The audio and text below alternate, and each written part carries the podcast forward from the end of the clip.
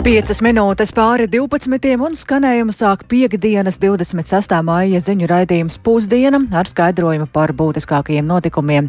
Ar tiem studijām Dāce Pēkšēna esiet sveicināti! Neaizmirstamas emocijas ir sagādājuši mūsu hokeisti Rīgā notiekošajā pasaules čempionātā un ceturtaļ finālā ar 3-1 pieveikuši Zviedrijas valsts vienību, pirmo reizi vēsturē iekļūstot pusfinālā. Nākamā spēle jau rīt pret Kanādu un tā notiks Tāmperē, un hokeisti jau šorīt agri no rīta devās turp ceļā uz Somiju. Ir arī mani kolēģi Māris Bergs un Mārtiņš Kļavnieks, un ar Māri šajā brīdī esam sazinājušies. Sveiks, Māris! Pilktas emocijas, vēsturiska uzvara, bet jums tā arī ir bijusi iespēja aprunāties ar pašiem sportistiem. Uh, jā, sveiki, Dārcis, sveicināti klausītāji. Tiešām spilgtas emocijas Latvijas izlases izpildījumā. To, cik daudz tas nozīmē gan hokeistiem, gan arī līdzstājiem. Uh, protams, redzējām uzreiz turpat uz ledus pēc spēles, kā tika svinēts. Bet, uh, protams, arī pēc mača, dodoties prom no arēnas Rīga jau krietnu laiku pēc spēles beigām, kamēr mēs ar kolēģiem tiekam cauri visām intervijām, paiet no savas minūtes 40 vismaz noteikti. Un joprojām ļoti, ļoti daudz cilvēku bija ap arēnu arēnu Rīga. Tur uh, fanu zonā turpinājās svinības, un arī, protams, uz citām ielām cilvēki mašīnās taurēja, skanēja Latvijas tradicionālās hokeja dziesmas, tāda liela svētku atmosfēra. Un, protams, aprunājāmies arī ar pašiem spēlētājiem. Hokeisti ārkārtīgi priecīgi par šo izcīnīto panākumu. Zviedru vādzis ir lūzis. Pirmo reizi vēsturē pamatlaikā viņi ir apspēlēti. Iepriekš atceramies, tad 2009. gadā izdevās Zviedrus uzvarēt pēc spēles metienos.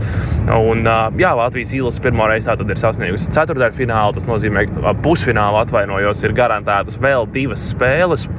Un, jā, bet hokejs uzsver, paliekam ar kājām un slīdām pie zemes un domājam par nākamo spēli, jo nekas nav beidzies un ir visas iespējas kāpt vēl augstāk un pārrakstīt Latvijas hokeja vēsturi vēl tālāk. Tāds ir. Jā, bet ja mēs runājam par pašu panākumu atslēgu, jo, nu, būsim godīgi, tomēr pirms čempionāta šķiet bija tāda skepse par šī gada panākumiem, um, bet mēs tomēr esam tikuši jau šobrīd pie vēsturiski augstākā panākuma. Jā, pilnīgi pareizi. Skepse bija par Latvijas izlasi pirms turnīra, un, godīgi sakot, arī pēc pirmām divām spēlēm pār uh, komandu vēlās pietiekami liels kritikas vilnis, jo tomēr uh, zaudējums no 6 pret Kanādu, un nākamajā dienā zaudēts arī tiešajiem konkurentiem Slovākijai. Tur spēlēs izdevās gūt tikai vienu vārtus, arī spēle kopumā.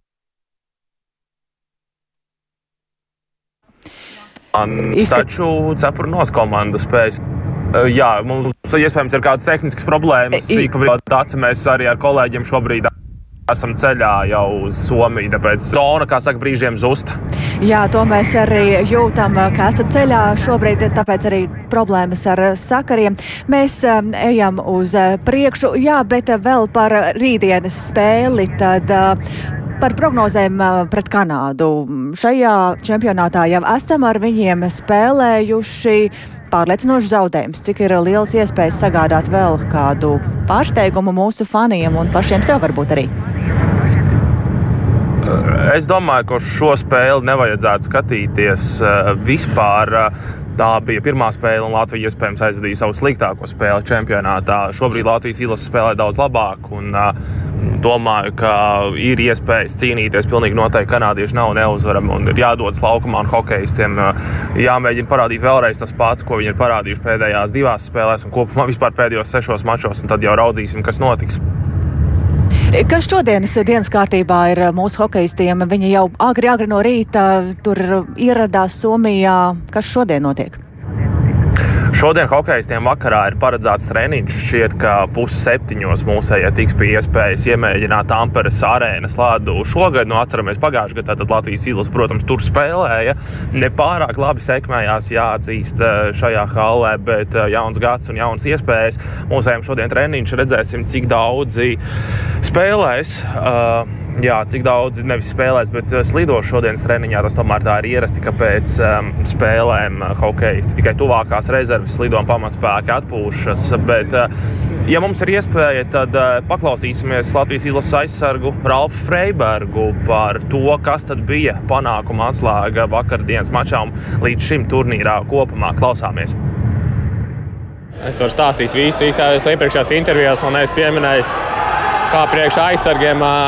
Aizsardzības treneris Numī ir ar ārču aiz mums stāv. Es vēl nebiju, varbūt es biju pie treneriem, bet uh, varbūt jūs redzējāt, cik aizsardzīgi mierīgi ir spēles laikā. Tur tik mierīgi pateicoties ārčam. Un Numī, kad uh, pirmo reizi izlasē bija, kad uh, nav kritikas spēles laikā un vispār nav kritikas. Un es gribētu pateikties federācijai, kur Harim parakstīja aizsardzības treneru tik superīgi, kurš uh, tic spēlētājiem un tic, nu, vienkārši ļauj spēlēt. Un vispār super. Un Arčī ir bija arī, nu, viņš tur vispār ir pozitīvi. Jā, nu tādas lūk, Ralfa Freiberga uzslavas Latvijas izlases treneru korpusam un tieši aizsargu trenerim Peterim Umelinam, kurš tātad pirms šī, nu, šā gada laikā tika piesaistīts. Protams, viņš jau bija pārbaudas turnīros sezonas gaitā, un tagad arī pasaules čempionātā viņš darbojas ar Latvijas izlasi. Dace? Jā, varbūt mēs varam arī paklausīties, ko par šo visu saka Harijs Vitoļņš. Jā, pilnīgi noteikti. Ja ir tāda iespēja, klausāmies Hariju Vitoļņu.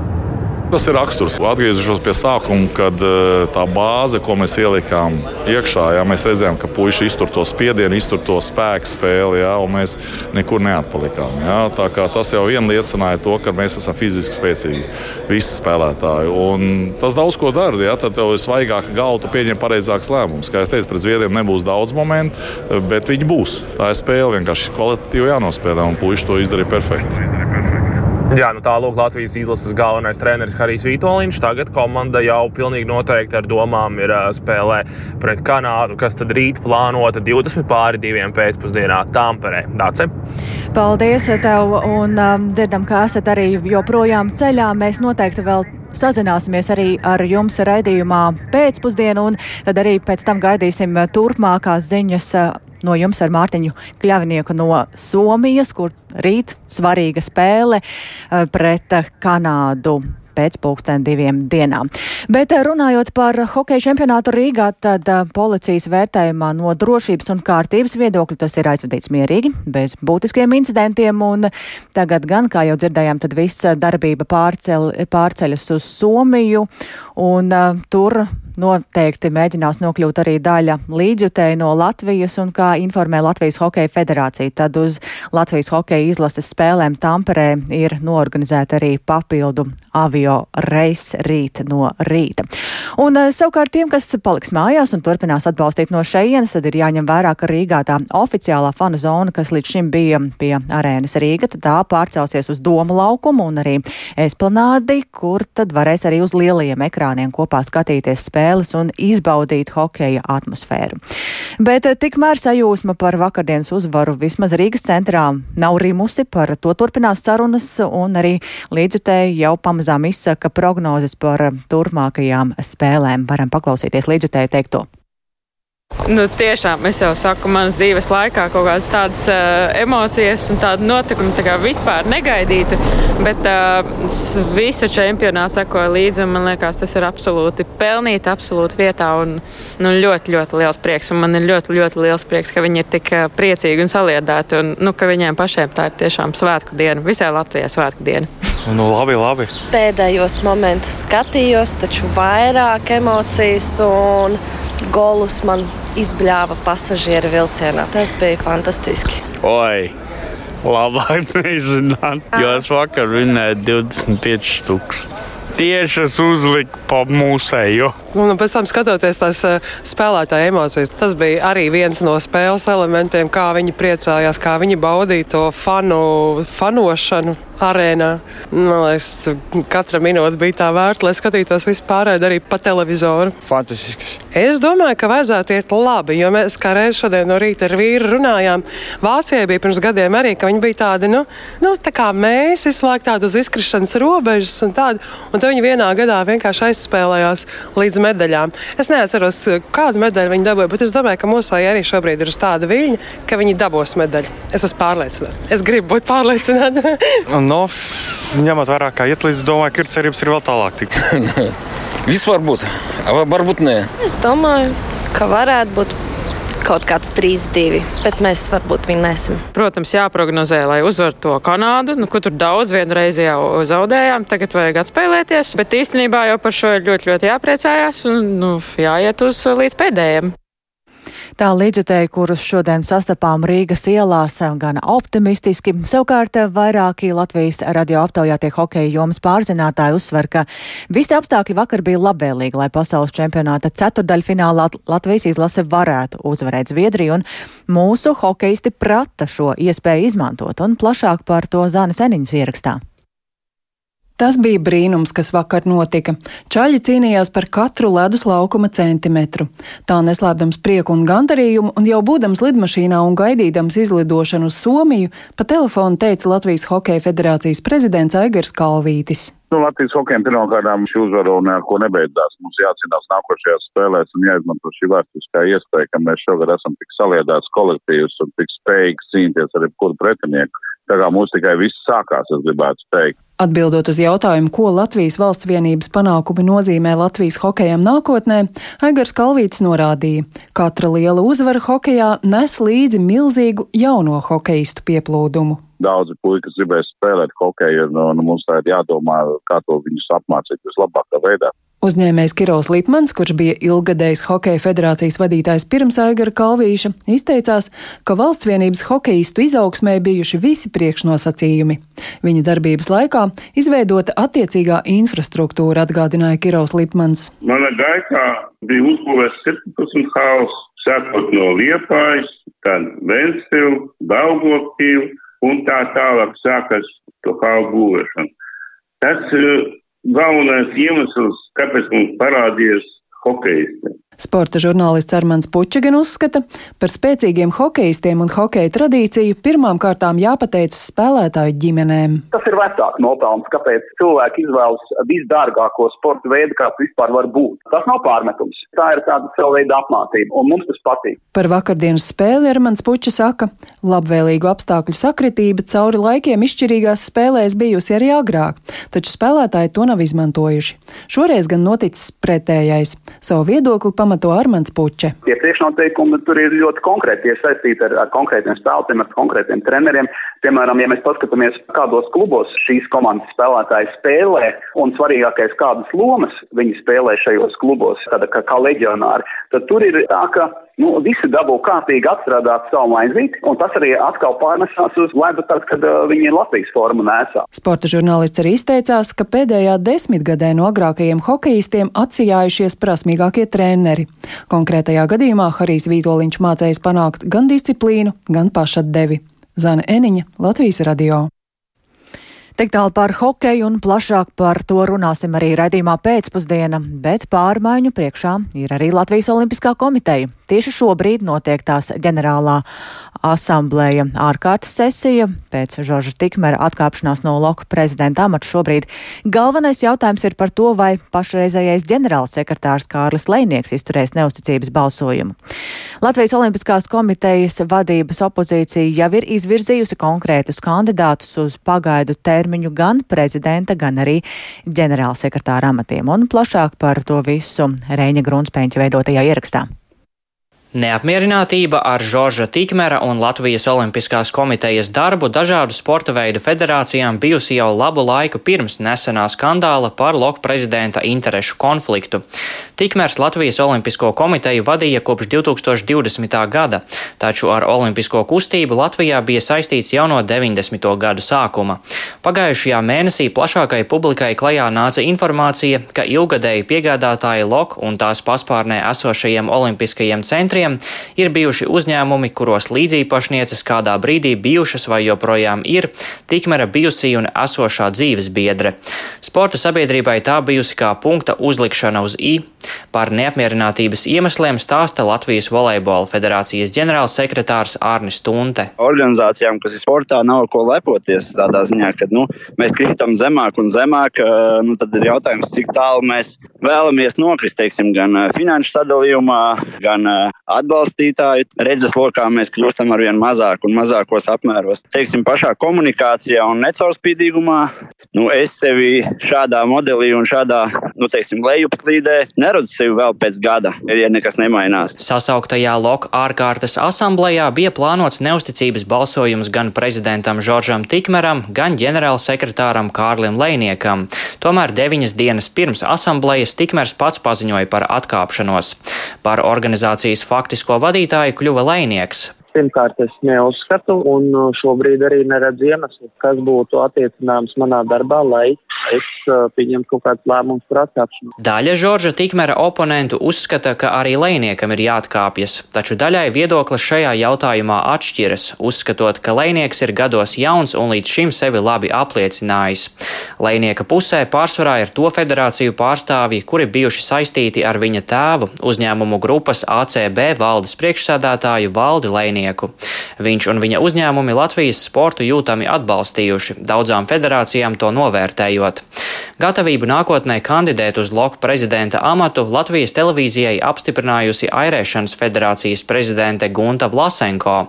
Savukārt aizvakar klajā ar paziņojumu nāca trīs sporta federācijas - volejbola, peldēšanas un riteņbraukšanas, kuras uz loku prezidenta un ģenerālsekretāra amatiem līdz nākamo vēlēšanu sasaukšanai virza attiecīgi pašreizējo volejbola federācijas prezidentu Jāni Buku un Vieglatlētikas savienības valdes locekli Ievu Zundu. Turpina Ieva Zunda. Volejbola federācija bija tā, kas man uzrunāja. Pēc kaut kāda pārdomu mirkļa piekritu viņu iniciatīvai.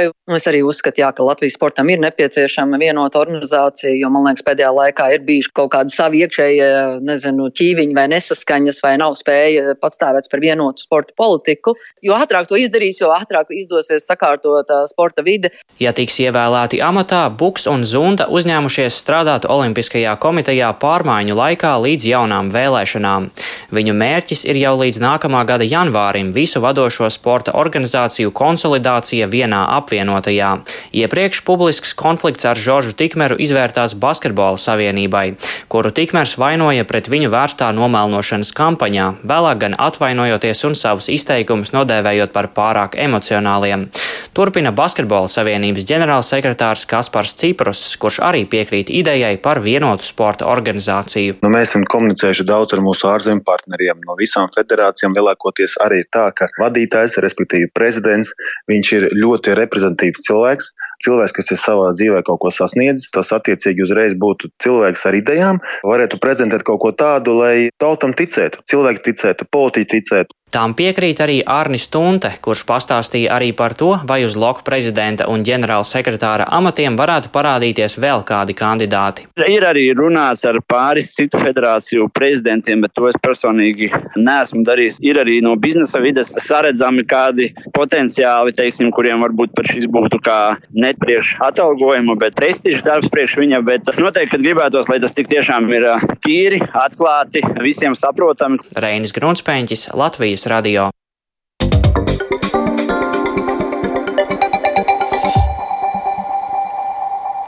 Ukraina piedzīvojusi kārtējos Krievijas masveida raķešu un dronu uzbrukumus. Izšautas 17 raķetes un 31 drons. Lielāko daļu ir izdevies notriekt.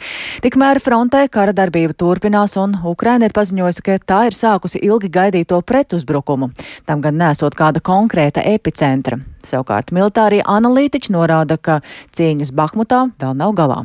Plašāk Ulda Česberi ierakstā.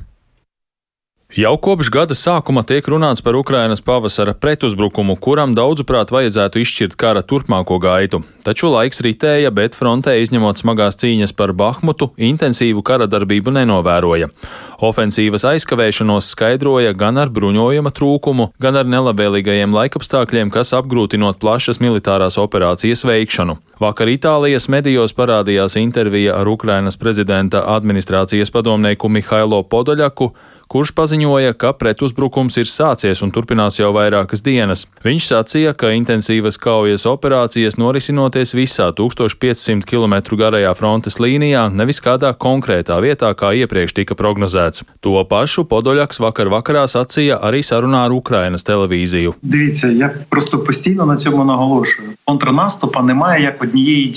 Es visu laiku uzsveru, ka pretuzbrukums nav kaut kas, kas sākas pulksten 12. tajā un tajā dienā. Es turpinu atkārtot, ka mēs pakāpeniski palielināsim frontes līnijā notiekošo darbību intensitāti, bet pēdējās nedēļās mēs esam pastiprinājuši Krievijas armijas loģistikas apšaudīšanu. Mēs pārbaudām Krievijas aizsardzības sistēmas spējas. Būtībā mums pretuzbrukums nozīmē vairākus notikumus vienlaikus. Tā ir gan resursu uzkrāšana, gan noteiktas darbības, lai iznīcinātu ienaidnieka strateģisko vai operatīvi taktisko līmeni. Tās ir darbības arī Bahmutas virzienā. Paskatīsimies, kas notiek flangos. Es joprojām uzskatu, ka par to var runāt kā par lūzumu Krievijas ofensīvas sistēmā un noteiktu Ukrainas bruņoto spēku darbību pastiprināšanos, lai iznīcinātu Krievijas armijas rezerves un resursus.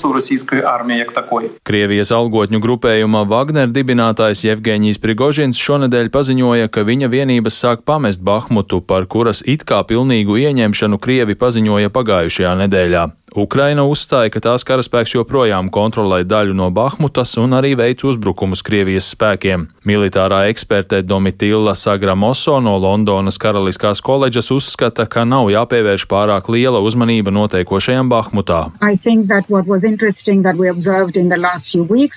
Pēdējās nedēļās mēs novērojām, ka neraugoties uz Wagner vadīto Krievijas spēku panākumiem, ieņemot lielāko daļu Bahmutas centra, Ukraiņi spēja pavirzīties uz priekšu priekšu flangos uz ziemeļiem un dienvidiem no pilsētas un atvērt komunikācijas līnijas, kas bija ļoti svarīgi.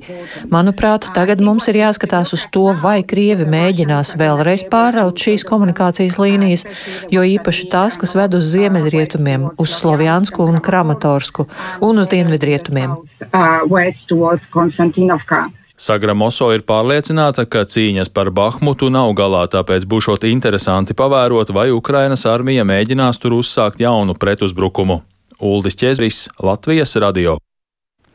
Un turpinot mūsu atbalstu Ukrainai šopēcpusdienu, turp dosies 12 transporta līdzekļu konvojs, bet kopā šajā nodevumā ir iekļauti 50 transporta līdzekļu un aprīkojums arī bezpilota lidaparāti, ģeneratori, mobilā elektrostacija, arī vecā dizaina formas tērpi, un tas viss ir līdz šim lielākais valsts policijas tehniskais atbalsts. Konvoju pavadījis fonds uzņēmēju mieram sadarbībā ar aizsardzības ministrijas un valsts policijas pārstāvjiem. Un šos transporta līdzekļus tad arī saņem saņems gan Ukrainas aizsardzības ministrija, gan Nacionālās gvardes un Nacionālās policijas vienības Rubižnē, Odesā, Pokrovskā un Adīvkā. Un vēl ir zināma dziesma, kas skanēs dziesmu un deju svētku noslēguma koncertā kopā augšup. No tā izslēgtās Zigmara Liepiņa un Kaspara Dimitara dziesmas Svētī debesīs šo zemi vietā.